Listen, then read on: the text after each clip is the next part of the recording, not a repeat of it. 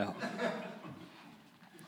Misjons- og vekkelsesbevegelser på 1800-tallet i Norge. og Vi skal se på litt på Det norske bibelselskap. Det er jo ikke en organisasjon eller en virksomhet som vi tenker så mye på i dag. Eh, men den hadde sin store betydning. Ble stiftet i 1816. Det gikk en innbydelse til å stifte et norsk bibelselskap ut den 11. juli 1815. Ble lest opp fra alle landets prekestoler en innbydelse til å være med på dette.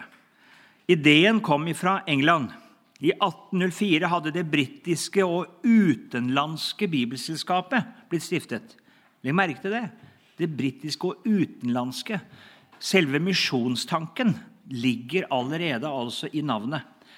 Og Det var en av de virkelige, altså det engelske bibelselskap var en av de drivende kreftene for misjon i ikke bare England, men i, eh, i også Norge, Sverige og Danmark så var det det. Også andre land. Bibelen skulle bli oversatt og spredt til andre folkeslag. Prost Nils Hertzberg i Ullensvang leste i Bibelselskapets årsrapport, altså det engelske, da, fra 1813-1814, og det inspirerte ham til å starte en bibelforening i Norge i 1815. Og Det ble en forløper for Bibelselskapet. Og Det norske bibelselskap hadde kontakt med misjonsvekkelsen i England. Og En del misjonskunnskap ble spredt gjennom selskapets første årsmeldinger. Og Spesielt betydningsfullt var et lite skrift som fulgte den andre beretningen. Det hadde tittelen 'Kort fremstilling av det britiske og flere utenlandske bibelselskapers stiftelse og fremgang'. Og Det vesle skriftet på 16 sider ga god oversikt over protestantisk misjonsarbeid på den tiden. Det var det første misjonsskrift i Norge i det 19. århundre. Og Da var det jo omkring 100 år siden Syvstjernen og Egede og disse hadde startet misjon eh, blant samene og på Grønland. Men så hadde det ligget nesten dødt i 100 år. Du hadde hatt noen få hernuttiske prester som nok kanskje hadde en viss eh, kontakt, men, men det var ikke en misjonsbevegelse i Norge. Den kommer nå med Bibelselskapet. Jørgen Wright Cappelen ja, det det er jo norsk navn, men Wright er jo ikke norsk navn. Så vi sier Wright, vi. Cappelen han søkte å bli opptatt ved Baselmisjonens misjonsskole. Det står Baseler, men jeg tror det er Baselmisjonen. Det skal være. I Basel. Etter halvannet år der kom han tilbake til Norge og fikk trykt et misjonsopprop i Morgenbladet i 1826. Og det ble ganske godt kjent. Han reiste også rundt i Norge og talte misjonens sak, opprettet lokale misjonskomiteer og samlet inn og videreformidlet misjonsgaver. Selv fikk han ikke reise ut som misjonær, for han ble syk. Og det ble heller ikke noe av planene om å opprette en landsomfattende misjonsorganisasjon til støtte for dette Basel-misjonens arbeid. Han ble jo senere en ledende bokhandler i Oslo, og Cappelen forlag og kjenner vi jo godt til. Det er fra denne Cappelen, altså. Som, eh, og Det er noe av dette vi også ser. Eh, mange av disse hadde jo haugiansk bakgrunn. Og altså, mange av disse ble ledende i forskjellige virksomheter som vi møter en dag i dag i Norge. En annen person som kom til å bety mye for misjonstanken i Norge, var biskop Peder Olivarius Bugge i Trondheim. Han var brødrevenn, og han startet det første misjonsblad i Norge. 11.2.1821 kom det første nummeret. Og Året etter overtok Stiftskomiteen for Bibelselskapet utgivelsen. og Det fikk formidlet da mye misjonsinformasjon i, de to årene det kom ut. Bugge er jo en, en personlighet også som vi kunne stanse litt for. Han var jo en, en eh, ja, Han var vel en biskop med to ansikter, var ikke det han gikk under navnet på? Han, han var på ene siden from Hernhutter, og på den andre siden så skrev han lærde verk som var av mer liberal art. Så han var en sånn tvetydig personlighet. Ivret for misjon og hernhuttisk fromhet. Og samtidig så hadde han på en måte en lærd side eh, som er ganske tvilsom. Hvor han altså var, var bibelkritiker og, og ja, så kom jo Nils Johannes Holm eh, til, til eh, Trondheim etter hvert. og og tar over mye av dette arbeidet. Ja. For hos Brødrevennene var misjonstanken levende. Eh, og for dem var misjon å utsende misjonærer. Og det var menighetens sak å gjøre det. Og Den nye forstanderen for brødremenigheten i Kristiania, Nils Johannes Holm, kom til å arbeide mye for misjonssaken. Det er han som har skrevet ikke sant? 'Hvor salig er den lille flokk som Jesus kjennes ved'.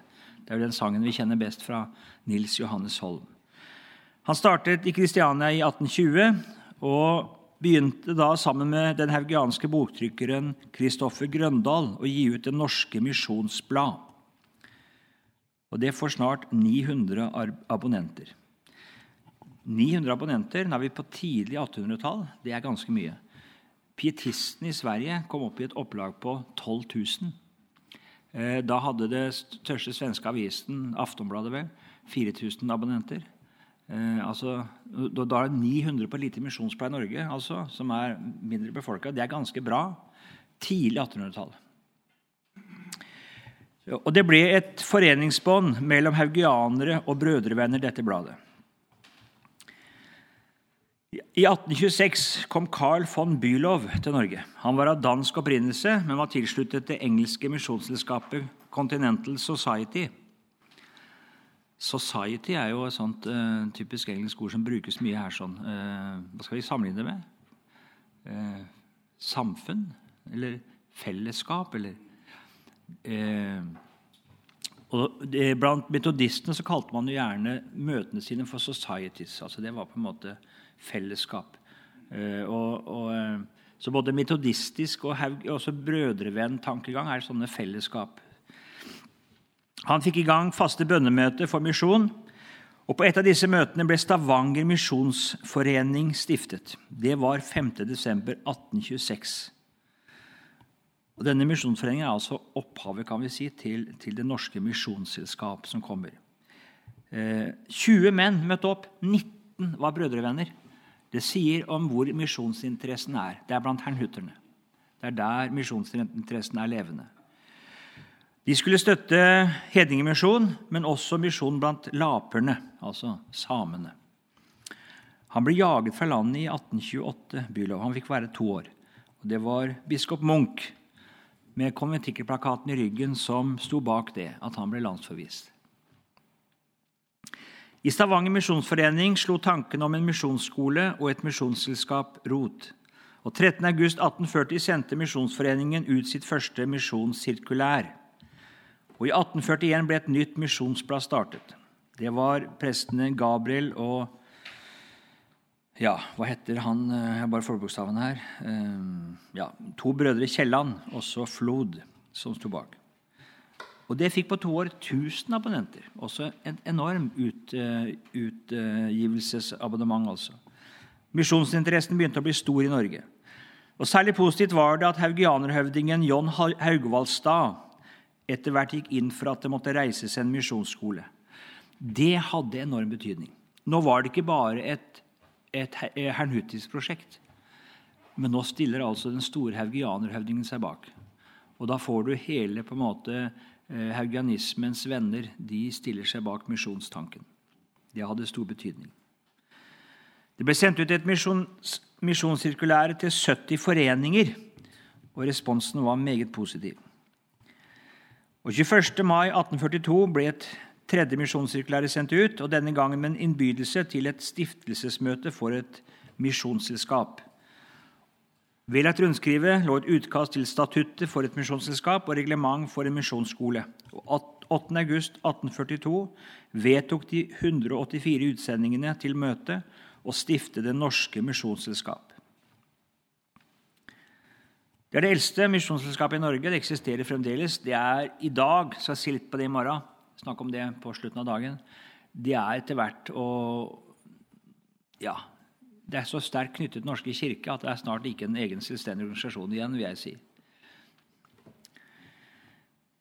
Litt som, eh, Selv om ikke det har samme, på ingen måte samme opphav som EFS i Sverige, så har det fått noe av samme utvikling, disse to. De har på en måte gått inn i, i, i, som en del av Kirkens misjonsengasjement. på en måte. Gisle Jonsson må vi stanse for. Eh, for det er faktisk en av de mest dyptgripende vekkelsene vi har hatt i Norges, Norges historie, men som ikke er særlig mye talt om. Vi snakker om Hauge, og så snakker vi om de rosinianske vekkelsene. Og så går vi glatt forbi Jonsson og den prestevekkelse og den betydning disse prestene sto for. Den var ikke liten. Eh, han vokste opp i Kristiansand, utviklet et nært vennskap med Kristian Tistedal, som var lærer ved katedralskolen der. Og Han lærte Jonsson å stole på hele Bibelen som Guds ord og føle seg forpliktet på den evangelisk-lutherske bekjennelse. Han var en dyktig student og ble kalt til lærer i teologi ved Universitetet i Kristiania fra 1848. Først som lektor i teologi, fra 1860 som professor, en stilling han hadde til 1891. Og jeg tror vi kan si det at Gisle Jonsson han var teologisk fakultet i altså en periode på over 40 år. Han var den ledende, han var den udiskutable. Når man, de norske lutherske kristne i Amerika lurte på noe, så skrev de brev til Gisle Jonsson og Kaspari eh, og, og, spurte hva skal vi tenke om dette. Og Da fikk de en skikkelig betenkning fra Kaspari og Gisle Jonsson. Kaspari var jo hans gode medarbeider. Jeg har ikke skrevet noe om han, men tar et lite parentes om Kaspari. Han var altså da eh, studiekamerat med Gisle Jonsson nede i Tyskland. Kaspari var jo av jødisk herkomst, var jo et språkgeni. Eh, og de blir gode venner, både Carl eh, Kaspari og broren. Så Det var Theodor Kaspari. ja. Og Begge disse brødrene reiste til Norge eh, og blir professorer ved, ved Universitetet i Oslo. Kaspari teologi og, og Theodor da mer historie og Er ikke det? Ja, han iallfall er veldig, blir en voldsom norgesvenn, Theodor Kaspari. Skriver jo sanger om Norge, så du skulle tro han var født og oppvokst der, men det var han altså ikke. Eh, og Kaspari han er jo da eh, bibellærer, Gammeltestamentet. Gisle Jonsson er dogmatiker. Og, og, og, de jobber veldig godt sammen, og de, er, de, står for en grunnholdning til Bibelen. Vi hadde om Hengstenberg i går. den eh, restaurasjonsteologien. Og vi kan på mange måter si at både Gisle Jonsson og Kaspari tilhører den skolen. Litt påvirket også Erlangen og erfaringsteologien, men, men eh, vel så mye restaurasjonsteologien, mener jeg. Eh, så de ga prestene altså en, en, eh, tillit til Guds ord, en forpliktelse på bekjennelsen, og sendte de ut. Og det var vekkelse altså, blant studentene. Virkelig vekkelse. Jeg skal lese litt om det, si litt om det nedover her. sånn. Eh, men, men, eh, og hva de betød der de kom rundt. Eh, for, for ikke bare misjon, det gjorde de, men, det, men for, for, virkelig vekkelse i, sine, i, sin gjerning. Det skal vi ikke undervurdere. Selv om de nok var eh, mange av dem også var kritiske når den, den rosinianske vekkelsen kom. Dette som var utenfor kirken. De, de slet litt med det. Selv om konventikkelplakaten var opphevet i 1841, så, så, sliter man med hvordan man skal forholde seg til lekmannsvirksomheten. Man ville gjerne ha det i kirken. Så, så der eh, Gisle Jonsson selv han slet veldig med det. Det skal vi komme også litt tilbake til. Eh, Erfaringsteologien som sagt, kom nok til å prege hans teologiske system noe. Men også skriftene til Søren Kirkegård, særlig hans bok 'Enten eller', fikk avgjørende betydning på Jonsson. Kirkegård han var jo veldig kritisk til kristendommens eh, skal jeg si det, eh, hvordan den var i dag i forhold til apostolisk kristendom. Nytestamentlig kristendom. Han, han opplevde at den, den kristendommen vi hadde i Danmark og Norge og eh, i Vesten nå, den var altså så eh, skal vi se, blitt så avpasset og tilpasset og på en måte var bare liksom en sånn borgerlig ferniss. Eh, og han kaller radikalt tilbake til nytestamentlig kristendom. Eh, Han ble oppfattet veldig som kirkekritisk. og Mange leste ut av Kirkegårds skrifter at man skulle danne frikirker, måtte vekk fra statskirken. Det var nok ikke ikke Kirkegårds program, egentlig. Men det var å vekke til sann åndelig liv eh, og, og, personlig eh, kristendom.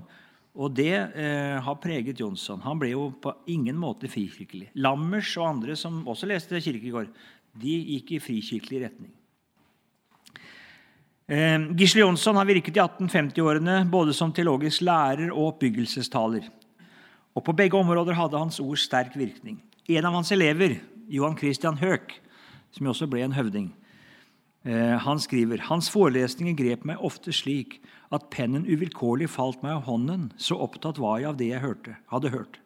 Å tvile på riktigheten av hans utsagn oppkom visst aldri i hans ekte disiplers hjerte. Vi skyldte ham så uendelig meget, mange av oss endog det liv som for oss alene ga tilværelsen mening. Altså Vi skyldte han sitt åndelige liv. Det hadde vi fått altså under hans kateter. Tenk om det hadde vært sånn ved Teologiske fakultet i dag. Eh, og Jonssons forelesning i troslære førte til vekkelse blant studentene. Vi sto like overfor Gud. Jonssons tale hadde et midtpunkt, omvendelse og frelse. Det var alt for ham. Og alt annet ble intet for oss. Teologene skrev brev til sine foreldre, sine søsken, sine forlovede, sine venner og bekjente. I ferien kom de hjem, holdt oppbyggelser, ba og formante. Unge damer brakte bevegelsen med seg når de reiste på besøk til sine venninner. Badestedene var om sommeren ofte arnestedet for bevegelsen. Derfor spredte den seg igjen til de tusen hjem. På forskjellige måter skar denne bevegelsen seg gjennom hele det norske samfunnet. Tenk det. Fra, fra Det teologiske fakultet så går det ut en sånn virkning. De nyomvendte var strenge og alvorlige og dømte alle former for verslighet som synd, bl.a. teater, dans og kortspill. Jeg nevnte det i går, kan gjenta det her, om Gisle Jonsson. At uh, hans studenter var hjemme hos han en kveld, og, eh, og hele samtaletemaet neste dag på, i, i, pausene det var om Jonsson hadde, uh, om han hadde ledd. Det hadde han ikke gjort, fant de ut, men noen mente han hadde smilt. Og Det sier litt om hvordan man på en måte, hvordan denne ytre og Det er noe av det haugianske preget. ikke sant? at det er et alvor i på en måte livet.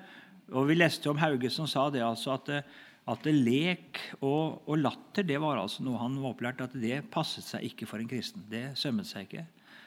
Og, og, altså Lek og latter det var ikke bra. Eh, og Det skjønner vi at det også preger disse her. Lov og evangelium var sentrum i Jonssons forkynnelse og undervisning. For at et menneske skal bli frelst, er det nødvendig at loven får skape synserkjennelse. Loven er et speil som viser hva menneskene er, og hva de skulle være. Når et menneske slik har erkjent sin synd og samtidig hører ordets tale 'du må omvende deg', da erfarer et menneske at det ikke kan omvende seg, enda så mye det gjerne vil. For slike mennesker virker evangeliets ord om Jesu fullbrakte frelsesverk til omvendelse, syndenes forlatelse og frelse. Jonsson betonte sterkt at det er evangeliet som virker omvendelse. Husker vi fra i går at vi snakket om, om uh, Agricola? Han hadde hørt det hos Luther at det var evangeliet som virker omvendelse. Og så ville han ikke ha vite av loven. Det fikk han jo Luther selv imot seg. Det sier at uh, Jonsson han er midt inne i den lutherske eh, lære. Lov og evangelium. Lovens oppgave og evangeliets oppgave. Han var jo en som virkelig eh, Eh, fulgte altså den, den, lutherske bekjennelse. Ikke bare av, som et teologisk system eller som en lære, men det var hans personlige overbevisning. Og han formidlet det altså til Tenk det. Undervisningen i troslære. Det ble ikke altså en teoretisk, dogmatisk forelesning, altså, men det ble til vekkelse. Det var altså undervist med sjelesorg. Eh, det er, det er noe å legge vekt på. Eh, tenk om det kunne være sånn at vi ikke ble så akademiske at vi mista det vekkende, personlige i undervisningen. I mars 1851 begynte Gisle Jonsson med bibellesninger på forskjellige steder i Kristiania. en sitat, Hele den åndelige atmosfæren i Kristiania ble forandret. Vekkelsen grep mennesker av alle samfunnsklasser som satt eller sto side ved side og hørte på Jonsson. Det var noe nytt i et samfunn som i høy grad var preget av klasseforskjell. Men særlig virket Jonsson på de dannede klasser. Det er også ikke så typisk at det er de dannede klasser. Det som badestedene her, Jeg tror ikke det var så mye arbeiderfolk som dro dit. Det var nok de dannede klasser som dro dit. ikke sant? Så ble det vekkelse blant disse. Eh, Ivar Velle skriver en kristelig høvding lik Jonsson har vårt land aldri hatt før eller senere. Hauge har etter sin død øvet større virkning på folket, men hans innflytelse i levende live tåler ingen sammenligning med Jonssons. Jeg syns kanskje det er Jeg vet ikke om det holder. Men allikevel, det sier noe om hvordan Ivar Velle eh, ser på Jonssons virksomhet, hvor enorm den var. Om Hauge våget å anslå sine venners tall til tusener, kunne de vakte Jonssons tid uten tvil telles i titusener. Det er en viss eh, henvisning til Saul og David. Ja.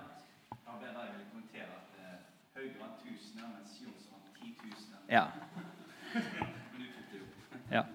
Så, så um, ja, jeg spør meg litt om den vurderingen til, til Velle er eh, om det er, kanskje er en viss idealisering og en viss liksom eh, At presten, ikke sant, teologen Jonsson Men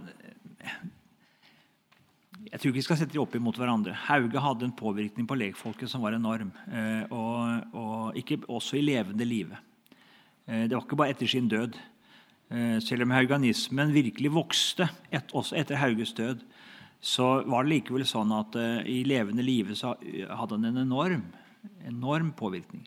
Uh, og Gisle Jonsson på sin, på sin, måte. Nå var Gisle Jonsson gjest i Oslo. Han var, jo, han, var jo, lærer der.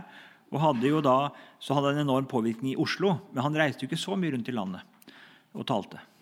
Så, så, men på studentene som brakte det med seg, så hadde han jo også en stor påvirkning. Vi skal komme tilbake til vekkelsene seinere. Nå blir det litt uh, usystematisk i dag, for nå skal vi hoppe til Eivind skal ta for seg fra 1900. Men jeg skal i morgen se for meg da tida fra 1850 og fram til 1900. Ja.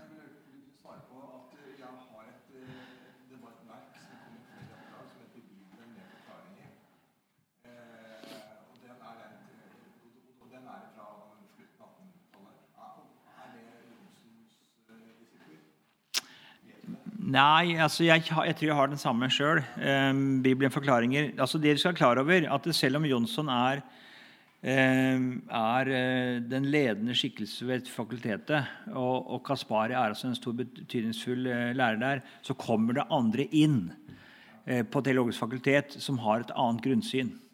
Slik at ganske snart du skal ikke mer enn ut til 1870-80-årene, så merker du en annen teologisk profil på, på flere ved fakultetet. Eh, det var jo ikke uten grunn at man måtte starte Menighetsfakultetet tidlig på 1900-tallet.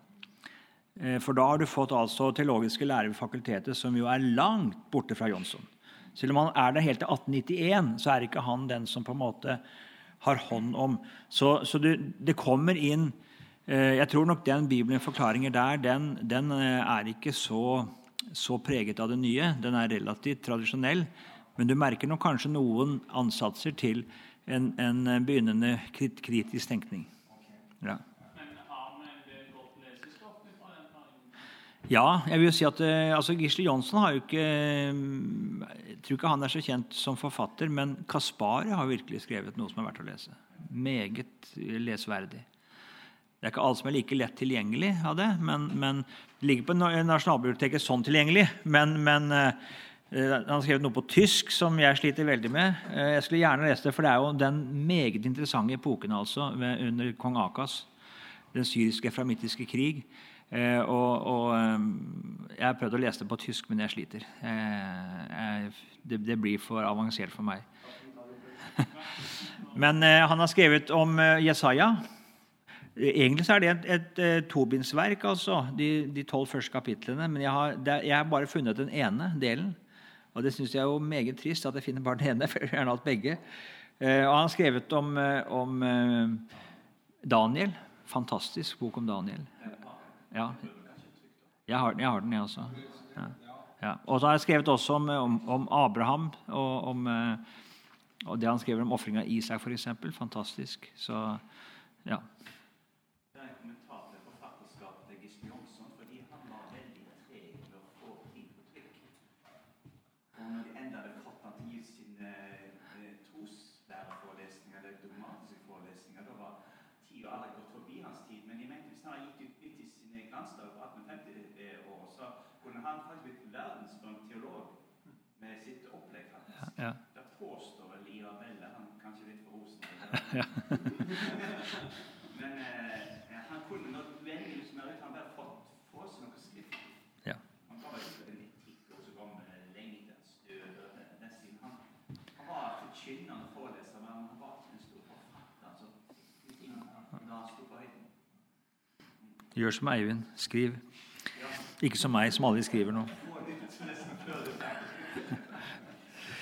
Vi skal se litt på frikirkebevegelser på begynnelsen av 1800-tallet. Eh, det er ikke mye av det i Norge. Eh, men vi skal nevne det lille som er. Den norske sjømannen Petersen, O.P. Petersen han møtte metodismen i Brooklyn. Det er jo det. Vi har masse norske sjømenn, og de kommer med impulser til Norge. Eh, av ulik art. Det er ikke bare denne som vi leser om, men, men, her, men det var mange som gjorde det. Eh, han sendte brev hjem til sin forlovede og fortalte om sin omvendelse. Da han kom hjem til Fredrikstad, så ble han oppfordret til å ha møter, men han vegret seg.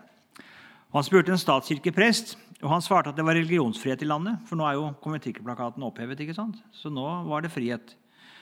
Eh, og holdt da møter i Sarpsborg til Halden. Og det brøt ut en større vekkelse da vinteren 1849-50. Han reiste tilbake til Amerika utdanner seg til metodistprest og kommer tilbake til Norge i 1853.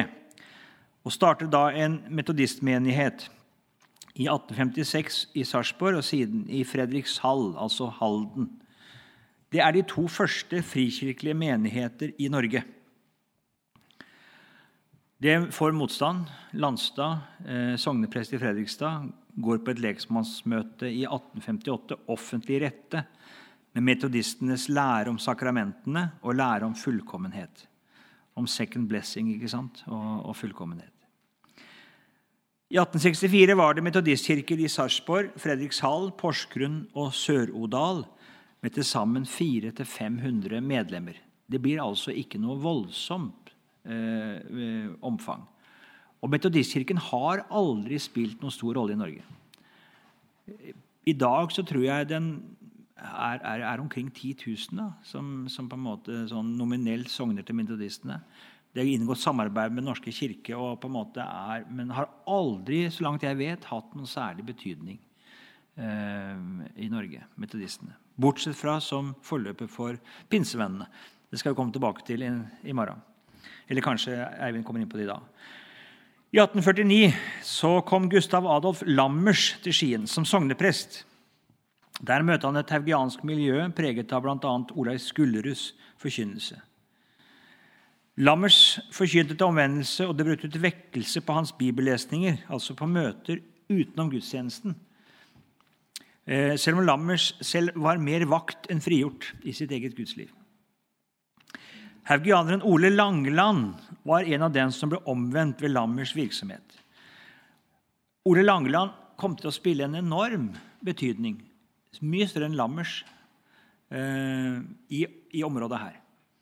Eh, Ole Langeland han, han, ble altså en sentral skikkelse blant haugianere. Han ble vel over 100 år gammel, Ole Langeland. Eh, og, og eh, skrev ut, ga ut sin andagsbok. Og Langelands andagsbok har blitt brukt i, i Vestfold og Telemark i eh, generasjoner. Eh, som min svigerfar, der leste man Ole Langeland. Ja. Ja. Og det er typisk haugiansk. Det sies at Ole Langeland ble mer evangelisk eh, klar på sine eldre dager. Men, men, det måte var ikke det som ble stående igjen etter han sånn, som eh, virkning. For Delk og for, og for, på en måte hele den, den uh, forkynnelsen der, så har han hatt stor betydning og for de haugianske vennesamfunn i Vestfold og Telemark har det hatt enorm betydning. Eh, Delg brøt jo ut på mange måter av disse haugianske vennesamfunnene, så det er jo av samme rot de er rundet. Så Ole Langeland var en veldig sentral skikkelse der. Eh, han ble da eh, omvendt under Lammers virksomhet i en tid hvor Lammers personlig altså hadde det meget uklart. Han var ikke åndelig frigjort. Eh, og det er, det er, noe her, altså Det er en, en, veldig vekt på omvendelse, at man må omvende seg. Men man er ikke i stand og Vi kan tenke litt på Hauge. En, en, altså det, det, var vekkelse under Lammers, selv om han selv ikke hadde eh, nådd fram til klarhet. Eh, og, så, men en voldsom overbevisning om at mennesket må bli omvendt. Og, og tale klart og sterkt om det. Det gjorde han. Han var kritisk Lammers til statskirken og dens ordninger. Han ville ikke tilsi absolusjon til alle. Det var jo sånn at Før nattverden så da eh, eh, så var det en, en, et, et, felles skriftemål med absolusjon. Eh, og det ville han ikke. Det var jo ikke alle som var frelst. Eh, og eh, han ville bare gi det til botferdige og ville bare gi nattverd eh, til, til, til, dem han anså som rette troende. Uten, de kunne få det uten forutgående skriftemål. Ellers ville han ha et personlig skriftemål med de andre som han ikke helt visste hvordan han var. Han ville ikke ha et åpent nattverdbord som et mer lukket, hvor han kjente hvem som kom til nattverd. Og Den praksis som var i kirka, den kunne han ikke med, hvor alle fikk komme og på en måte få tilsagt syndenes forlatelse og fikk komme til nattverd uten videre. Um, han fikk ikke lov til å lage sånne begrensninger av biskopen. Altså å si det at nattverden var fordi han var overbevist om var troende, og de han ikke var, de kunne komme til nattverd hvis de hadde en, en skriftmålssamtale med han på forhånd. Eh, og han fikk ikke heller lov da å, å la den offentlige kan du si, felles absolusjonen lyde. Han ville ikke gjøre det. For jeg mente at dette var sjelemord ikke sant? å forkynne at syndene var tilgitt eh, til alle uten at han kjente dem. Og uh, han ba om en kapellan da, som kunne gjøre det. Så han slapp. Og da fikk han altså eh, den tidligere haugianerpredikanten som nå var blitt prest, Mats Iver Vefring. Bare nevne litt om han. Han ble kapellan. Han hadde jo da sammen med en som heter Hove, eh, hatt, eh, reiste sørover på, på, Sørlandet for å ha haugianske, ja, møter da, blant eh, haugianske venner. Og Så kom han inn i et forferdelig uvær oppe i heiene på Setesdalen. Et så fryktelig uvær at eh, de kommer bort fra hverandre, disse to. Og begge er overbevist om at deres siste time har kommet, og at kanskje at nå er, nå er denne verdens undergang. Så voldsomt det er været. Og de har lært av Hauge eh, og haugianerne at man skal prøve seg selv. Så de prøver seg selv. Hvordan er det? Eh, kan de altså møte Gud sånn som de er, og sånn som de har det? Og begge kommer til at det kan de ikke. Deres kristendom den holder ikke mål. Og begge to, uavhengig av hverandre, tar sin tilflukt til Jesus der i, i stormen. At de må bli frelst pga. det som han har gjort, og ikke på grunnlag av det som Gud har gjort i deres hjerter og sjel og liv. Eh, så de finner hverandre igjen etter stormen, og begge to har hatt en helt tilsvarende opplevelse og, og, og kommet fram til det samme. At de, eh, til evangelisk frigjorthet. At jeg må bli frelst pga. det som Jesus har gjort. Og, og det, blir, det endrer jo deres forkynnelse. Eh, de er jo haugianere, og det, det, fikk nok også en viss betydning innenfor haugianismen i, i noen områder. Denne her, altså, Han blir da prest for Lammers og skal da holde nattvær og absolvere alle som eh, Ja, for det ville ikke lammet selv gjøre. Eh, jeg vet ikke hvordan Vifring så på det, det forteller ikke historien. Eh, men han gjorde nå det som ung kapellan. Også for Lammers spilte Søren Kirkegårds kraftig kritikk av den nåtidige kristendom en stor rolle.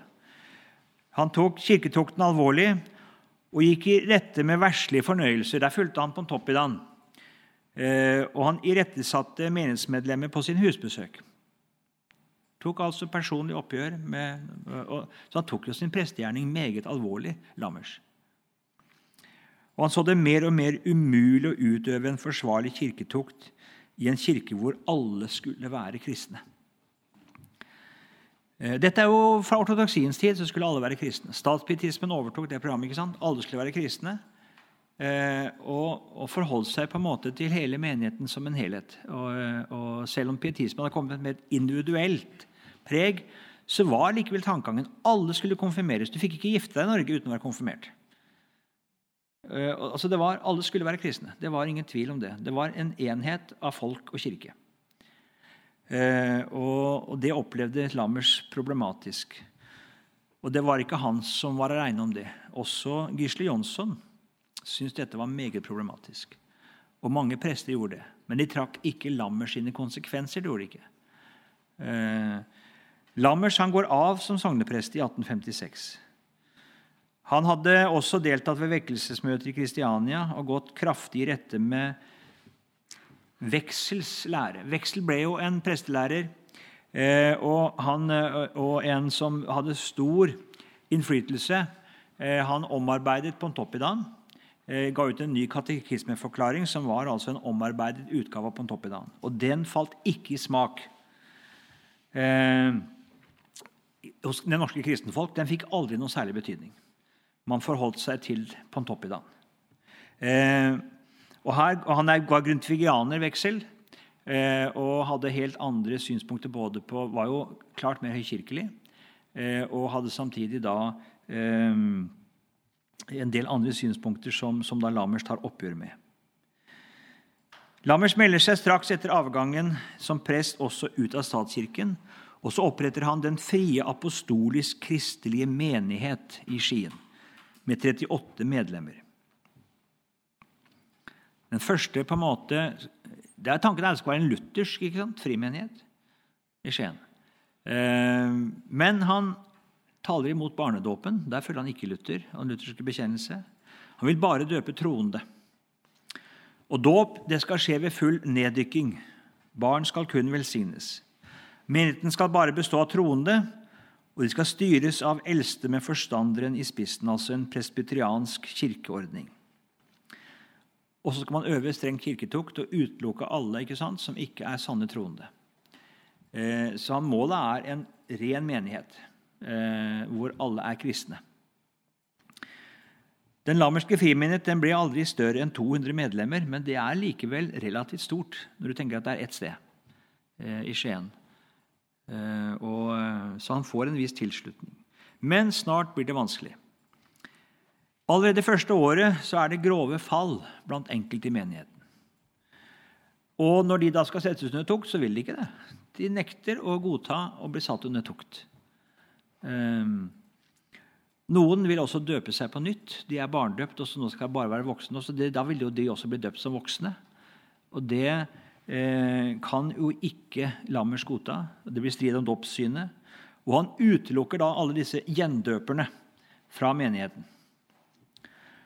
Da stifter de Den kristelige dissentermenighet i 1860. Og Lammers han blir rysta over det han selv har satt i gang. Han sier at her går det i alle retninger. Her er det noen som døper seg på nytt. Her er, her er det ingen som vil ta imot tukt. Her, her går det, eh, det Det sklir bare ut. Ja, Dissenter betyr annerledes troende, kan vi si. Altså, En som dissenderer, altså en som på en måte en, de tar dissens. Eh, det er lærespørsmål altså, som har en annen oppfatning. Ja. Så Det er navnet, det var det norske navn på de som ikke var i statskirken. De var dissentere. Ferdig med det. De var annerledes. De hadde tatt dissens på et eller annet spørsmål og gikk ut. ja. Lammers han går av som forstander, og så bekjenner han han går av, han har tatt feil. Det var ikke rett å starte en frimenighet. Eh, og da blittes hele frimenigheten opp. Noen blir baptister. Det er ikke så rart. ikke sant? De døpt seg på nytt igjen og, og tror at det er bare voksendåp som er gyldig dåp, og blir baptister. Noen blir metodister. Eh, noen går til denne dissentermenigheten, og noen går til mormonerne. Så det går jo i alle, alle retninger eh, etterpå. Selv så går, eh, så går da Lammers tilbake igjen til statskirken. Ja, det var faktisk alt jeg hadde tenkt å si om, eh, om disse frikirkebevegelsene. Det er ingen, altså, det er, det er ingen stor frikirkebevegelse altså, i Norge. Det kommer også en liten baptistmenighet. Jeg trodde jeg hadde nevnt det her, men jeg tror jeg har, uh, har droppa det i det siste manuset. Men det var også en liten baptistmenighet. Du så den i Skien her, men det var altså uh, bare noen få baptister. Og Den har heller ikke blitt noen stor eh, i Norge og har ikke spilt noen stor rolle. baptistmenigheten. Så du kan si at de, Vi skal se da tilbake, bare gjøre litt ris fram til våre dager når det gjelder det som er utenom Den norske kirke utenom lekmannsbevegelsene i Norge. Så har du altså som sagt, noen få metodister. Har ikke hatt noe særlig innflytelse på det norske kristne folk. De har vært for seg selv. Du har noen få baptister. Det samme kan vi si der. Eh, og av, eh, ja, Du har noen få mormoner og noen få kvekere. og noen sånne, Kanskje borti på, i Stavanger-området har hatt noen kvekere, og sånne, men de har heller ikke spilt noen betydning. Eh, Du får den lutherske frikirke etter hvert. Den får du. Det skal jeg komme tilbake til. Det skjer, for det er en sånn kirkekritisk holdning innenfor, innenfor lekmannsarbeidet. Og du får en luthersk frikirke. Den har hatt en viss betydning, og allikevel ikke så stor, vil jeg si. Eh, ikke, ikke, med Sammenlignet med lekmannsbevegelsen har den hatt nesten ingen betydning. Eh, og så har eh, har du Delk som kommer. Og Det er jo pga. skolesak. Den har hatt betydning i området her men heller ikke spilt noen Det ble en veldig lukket bevegelse. Så fikk ikke noen stor betydning for kristenfolket i Norge som sådan. Det ble en, på en måte en, Nå åpner den seg opp og har kanskje noe større betydning, men har ikke hatt det historisk. Den har hatt lokal betydning, men ikke utover, utover i Norge. Eh, Delk har stort sett eh, eh, hatt, eh, hatt, en god del misjonærer men ut gjennom eh, lutherske organisasjoners misjonsselskap. Eh, de har hatt noen gjennom Det norske misjonsselskap, eh, og de har hatt noen gjennom Misjonssambandet. Det er vel stort sett de to sammenhengene. Ja. Så, og, på, ellers er det jo når pinsevennene kommer at du får en, eh, Som da springer ut av metodistene, så får du en bevegelse som skulle komme til å prege Norge, som er frikirkelig. Eh, og, og, og, gjennom da pinsevenner videre så får du da Du har også Den frie evangeliske forsamling, som er en, ut fra en splittelse mellom Barrat og Eirik Andersen Nordkvelde, som er av disse som starter opp pinsebevegelsen i Norge. Eh, frie evangeliske forsamling har også hatt en viss betydning, særlig på Vestlandet. og så har du noen ja, Jeg skal komme litt inn på det i morgen. Eh, men, men er ikke, Norge er ikke preget i stor grad av en stor grad av frikirkelighet. Det har vært statskirken, og så har det vært den, den lutherske lekmannsbevegelse. har vært det, det, det, som har preget mest. Pluss pinsebevegelsen. Eh, og det er etter hvert den karismatiske bevegelse, som har også hatt en viss innflytelse. Der skiller vi oss nok litt fra andre land hvor det har hatt langt større eh, frikirkelige bevegelser enn i Norge. Men har på en måte tatt opp noe av det? Ja. det er det den har. Lekmannsbevegelsen har, ja, den har gitt en frihet til å kunne på en måte eh, drive et selvstendig arbeid uten å bli frikirke. Ja. Vi stanser der, og så eh, slipper vi Eivind til om en ti minutters tid.